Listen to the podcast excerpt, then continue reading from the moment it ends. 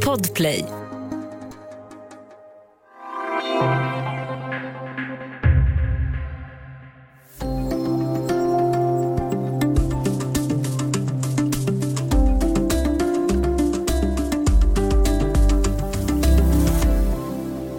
FNs senaste klimatrapport bygger på 14 000 vetenskapliga artiklar och mer information än experterna tidigare haft tillgång till på en lång rad områden. Ett av dem handlar om moln. Och om människan beskrivs som den enskilt största osäkerheten till hur klimatet kommer att utvecklas så finns det forskare som menar att nummer två på den listan är just molnen. Välkommen till Studio DN och varmt välkommen tillbaka efter sommaruppehållet. Jag heter Sanna Thorén Björling.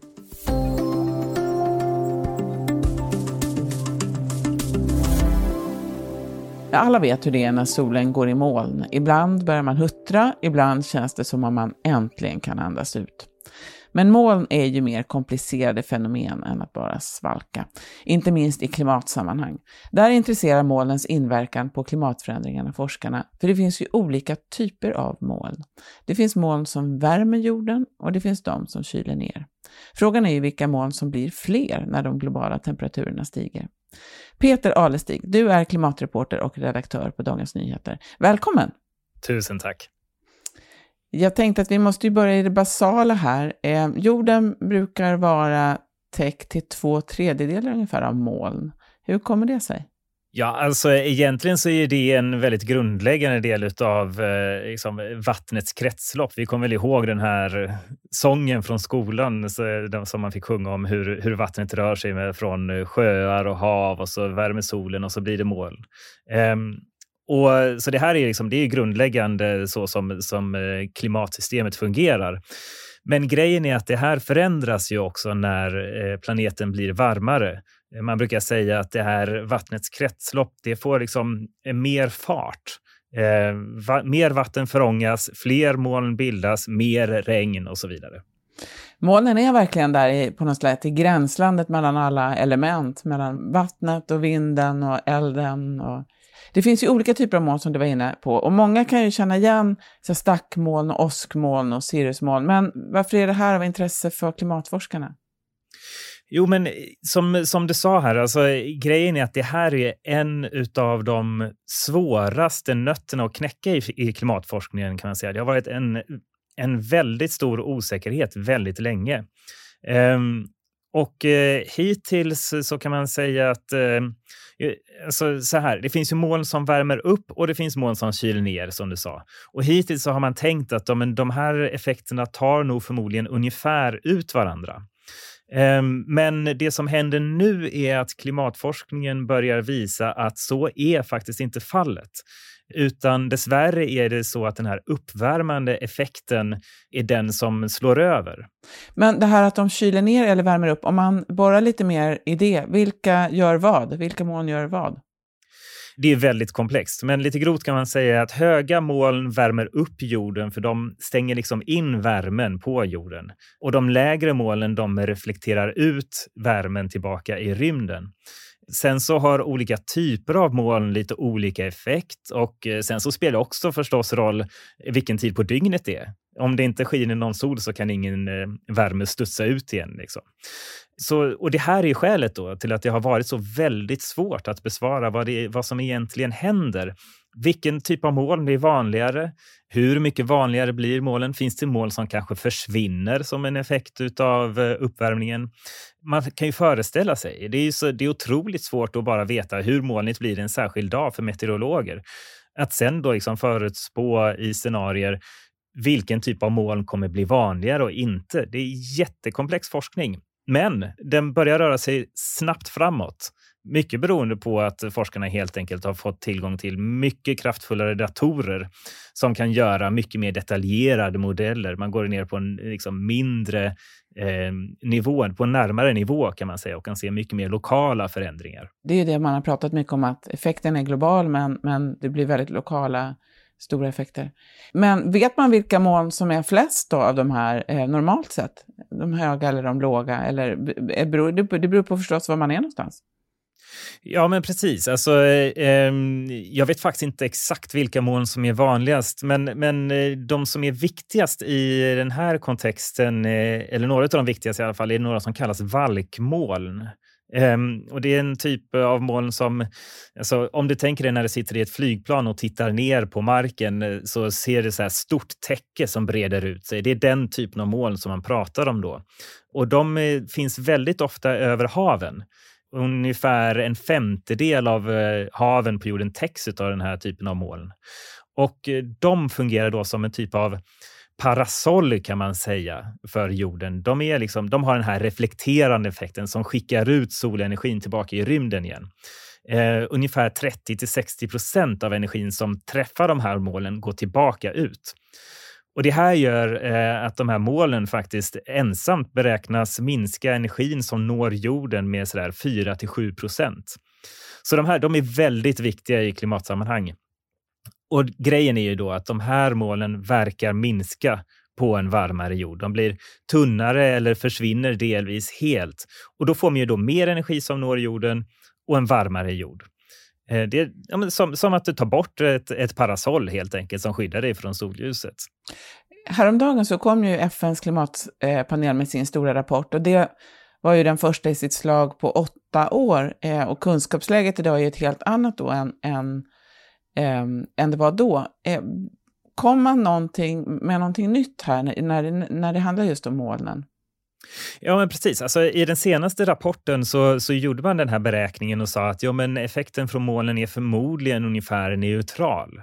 Ehm, men nu på grund av den eh, väldigt omfattande forskning som har skett de senaste åtta åren så, så kan man dra slutsatsen att eh, så är det förmodligen inte längre.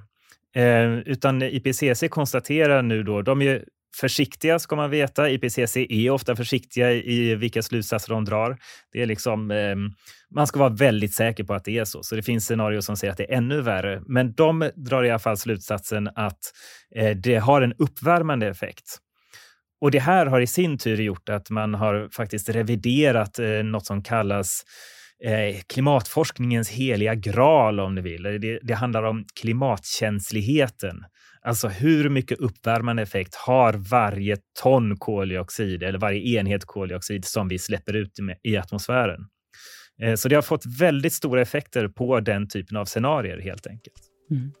Vi ska alldeles strax prata mer om hur molnen förändras när klimatet gör det.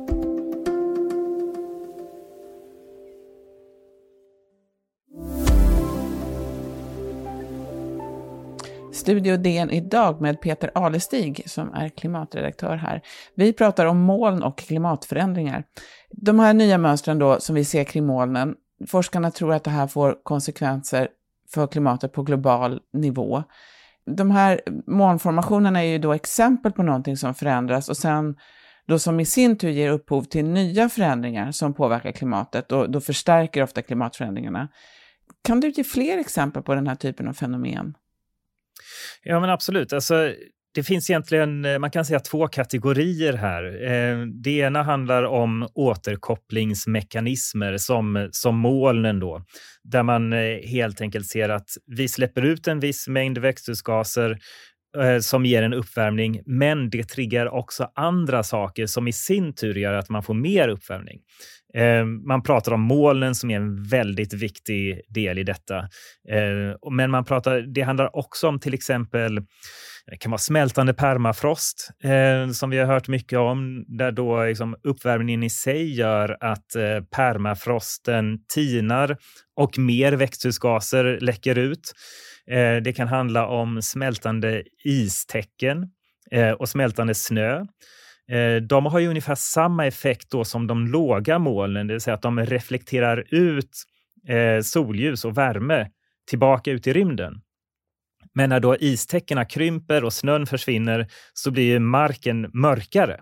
Det kommer fram eh, hav eller det kommer fram barmark helt enkelt. Och det gör att värmeinstrålningen i större utsträckning stannar kvar på jorden. Så det är också en sån här återkopplingseffekt kan man säga. Sen så eh, kan man också prata om, det andra kategorin då är tröskeleffekter. Eh, eller tippningspunkter som det egentligen kanske borde kallas. Det handlar om liksom delar av klimatsystemet som oåterkalleligt förändras, som tippar över i ett nytt sätt att fungera. Och det här det har vi säkert eh, de flesta som lyssnar läst eh, eh, om tidigare, för det är ju som, det är en aspekt som eh, man, precis som målen, man vet väldigt lite. Men samtidigt så är effekterna om ett sånt här system tippar över i ett nytt sätt att fungera, de kan bli väldigt, väldigt stora. Och då pratar vi om alltså att Golfströmmen eller hela det systemet av strömmar i Nordatlanten skulle kollapsa eller bromsa in kraftigt. Eh, man kan prata om eh, att, ett, eh, att hela istäcket på Antarktis eller Västantarktis skulle kollapsa och börja liksom oåterkalleligen, även om vi slutar släppa ut växthusgaser, faktiskt förändras permanent helt enkelt. Mm. De här enorma processerna, de ger ju upphov till väldigt mycket osäkra faktorer. Och som du var inne på här så du nämnde att man har även de här moln, att molnen förändras har, har gjort att man också har förändrat modellen och man har förändrat sättet att räkna. Där är enormt komplexa modeller som man ju skruvar på hela tiden och så. Men hur, hur hanterar forskarna den här enorma mängden av osäker information som kommer in hela tiden?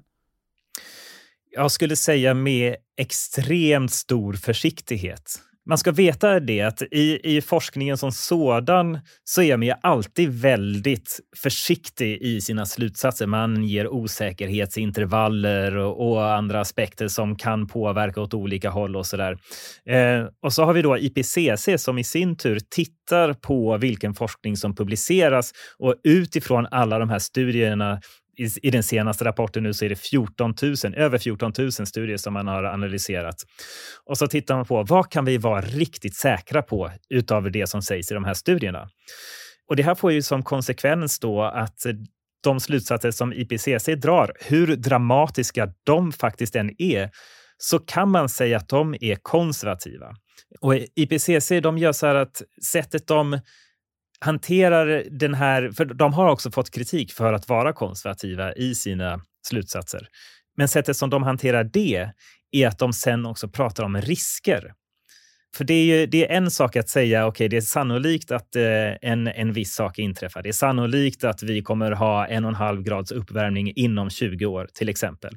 Men sen även de scenarier som har låg sannolikhet men väldigt stora effekter, då kan man prata om hög risk. Och till exempel då Golfströmmens instannande eller eh, kollaps, det är en sån. Det kanske inte är jättesannolikt att det inträffar inom det här århundradet, men om det gör det, vad får det för konsekvenser? Och det är då en, en sån här IPCC pratar, de ska inte ge några policyer, men de säger i alla fall att det här är någonting som man bör hantera utifrån ett riskperspektiv när man fattar beslut om hur vi ska hantera klimatförändringen och anpassa oss till den framöver. Det är ju, vetenskapsmän och forskare brukar ju ha, titta bakåt och ha, vara väldigt skeptiska mot att göra prognoser. Det är ju inte det som vetenskapen handlar om överhuvudtaget, men det är det alla... Eh, efterfrågan är ju, är ju precis där, så här, hur blir det? Men Peter, du har ju sett reaktionerna på klimatpanelens rapport nu under de senaste dygnen här. Är det någonting som har slagit dig särskilt? Ja, alltså om jag får vara lite elak, vilket man kanske får vara, eh, så skulle jag faktiskt eh, då skulle jag säga att eh, det som slår mig är nog frånvaron av insikt om hur allvarligt läget är. För man ska ju säga det att det som, återigen, det som IPCC gör, det är att de sammanfattar eh, alla, alltså 14 000 studier som har publicerats de senaste åtta åren, eller fram till starten av 2020. Det är det som de har hunnit med. Så det här är ju inte nytt egentligen. Hur dramatiskt det än är eh, så är det sånt som vetenskapen har varit säker på väldigt länge. Eh, jag tycker Johan Rockström, eh, som är, han är eh, chef för klimatforskningsinstitutet Potsdam i Tyskland, han uttryckte det ganska väl när han sa att IPCC är på något sätt golvet i klimatforskningen. Det är det som forskarna verkligen är säkra på. Men det är inte spjutspetsforskningen. Det är inte forskningsfronten. Det är inte liksom eh, de scenarier som eh, är allra mest skrämmande där finns det eh, forskning också som har kommit sen den här gränsen då 2020 som, som visar att det kan faktiskt vara ännu värre än det som IPCC säger. Det finns eh, klimatmodeller som visar att eh, den uppvärmning vi går mot vid en dubblering av koldioxidhalten snarare kanske är 5-6 grader mot de 3 grader som IPCC säger. Återigen, det här är enskilda studier, så man ska kanske inte dra för stora växlar på det. Men IPCC har ju visat sig faktiskt vara för konservativa historiskt och det finns anledning att tro att de kan vara det igen. Vet du om det finns någon som sammanställer den här spjutspetsforskningen som gör liksom motsvarande då, fast några meter över golvet? Alltså, det sker ju eh, vissa sammanställningar. Jag vet att eh, Eh, Eh, Future Earth till exempel brukar göra en sammanställning av eh, nyckel, alltså avgörande framsteg inom klimatforskningen. Och de konstaterade till exempel eh, långt tidigare än IPCC då att eh, den här klimatkänsligheten som jag pratade om tidigare, att den förmodligen kommer gå upp eller att den är, man kan säga spannet har faktiskt minskat. Så de allra värsta scenarierna eh, i det tidigare har, har dragits ner. Men å andra sidan så bästa, eh, bästa tänkbara scenarierna har reviderats kraftigt uppåt. Så vi kan inte längre hoppas att våra utsläpp inte har särskilt stor påverkan på klimatet. För det vet vi. Ja. Det vet vi. Man pratar ju också nu mycket om vad man kan göra och sådär och hur snabbt utsläppen måste minska och så. Om vi ska avsluta lite grann där vi började, eh, nämligen i molnen då. Finns det något sätt som man kan påverka vilka moln som bildas? Väldigt svår fråga, men man kan ju faktiskt säga så här att det finns det finns ju de, och nu kommer vi in på geoengineering som det kallas, att, att man faktiskt då med hjälp av teknik går in och påverkar klimatet. Och det finns ju eh, tekniker för att skapa moln. Man släpper ut partiklar i atmosfären och så, så binds vattendroppar till det här och så får man mer moln och så vidare. Det här är ett område som eh, klimatforskaren Kimberly Nicholas, när jag intervjuade henne, blev närmast provocerad över att man överhuvudtaget tar upp. Hon menar att det, är liksom, det i sig är ett bevis på hur långt det här har gått och vilket misslyckande eh, som världen eh, står för när det gäller att vi borde bara sluta elda fossila bränslen. Men vem vet, vi kanske hamnar där. Det kanske, eh, om eh, klimatuppvärmningen fortsätter så kan det ju vara så att man behöver ta till de här mer desperata metoderna för att hantera situationen. Stort tack Peter Adelstig för att du var med idag. Tack så mycket. Studio DN görs för Podplay av producent Sabina Marmelakai, teknik Jonas Lindskog, Bauer Media. Jag heter Sanna Thorén Björling. Vi hörs!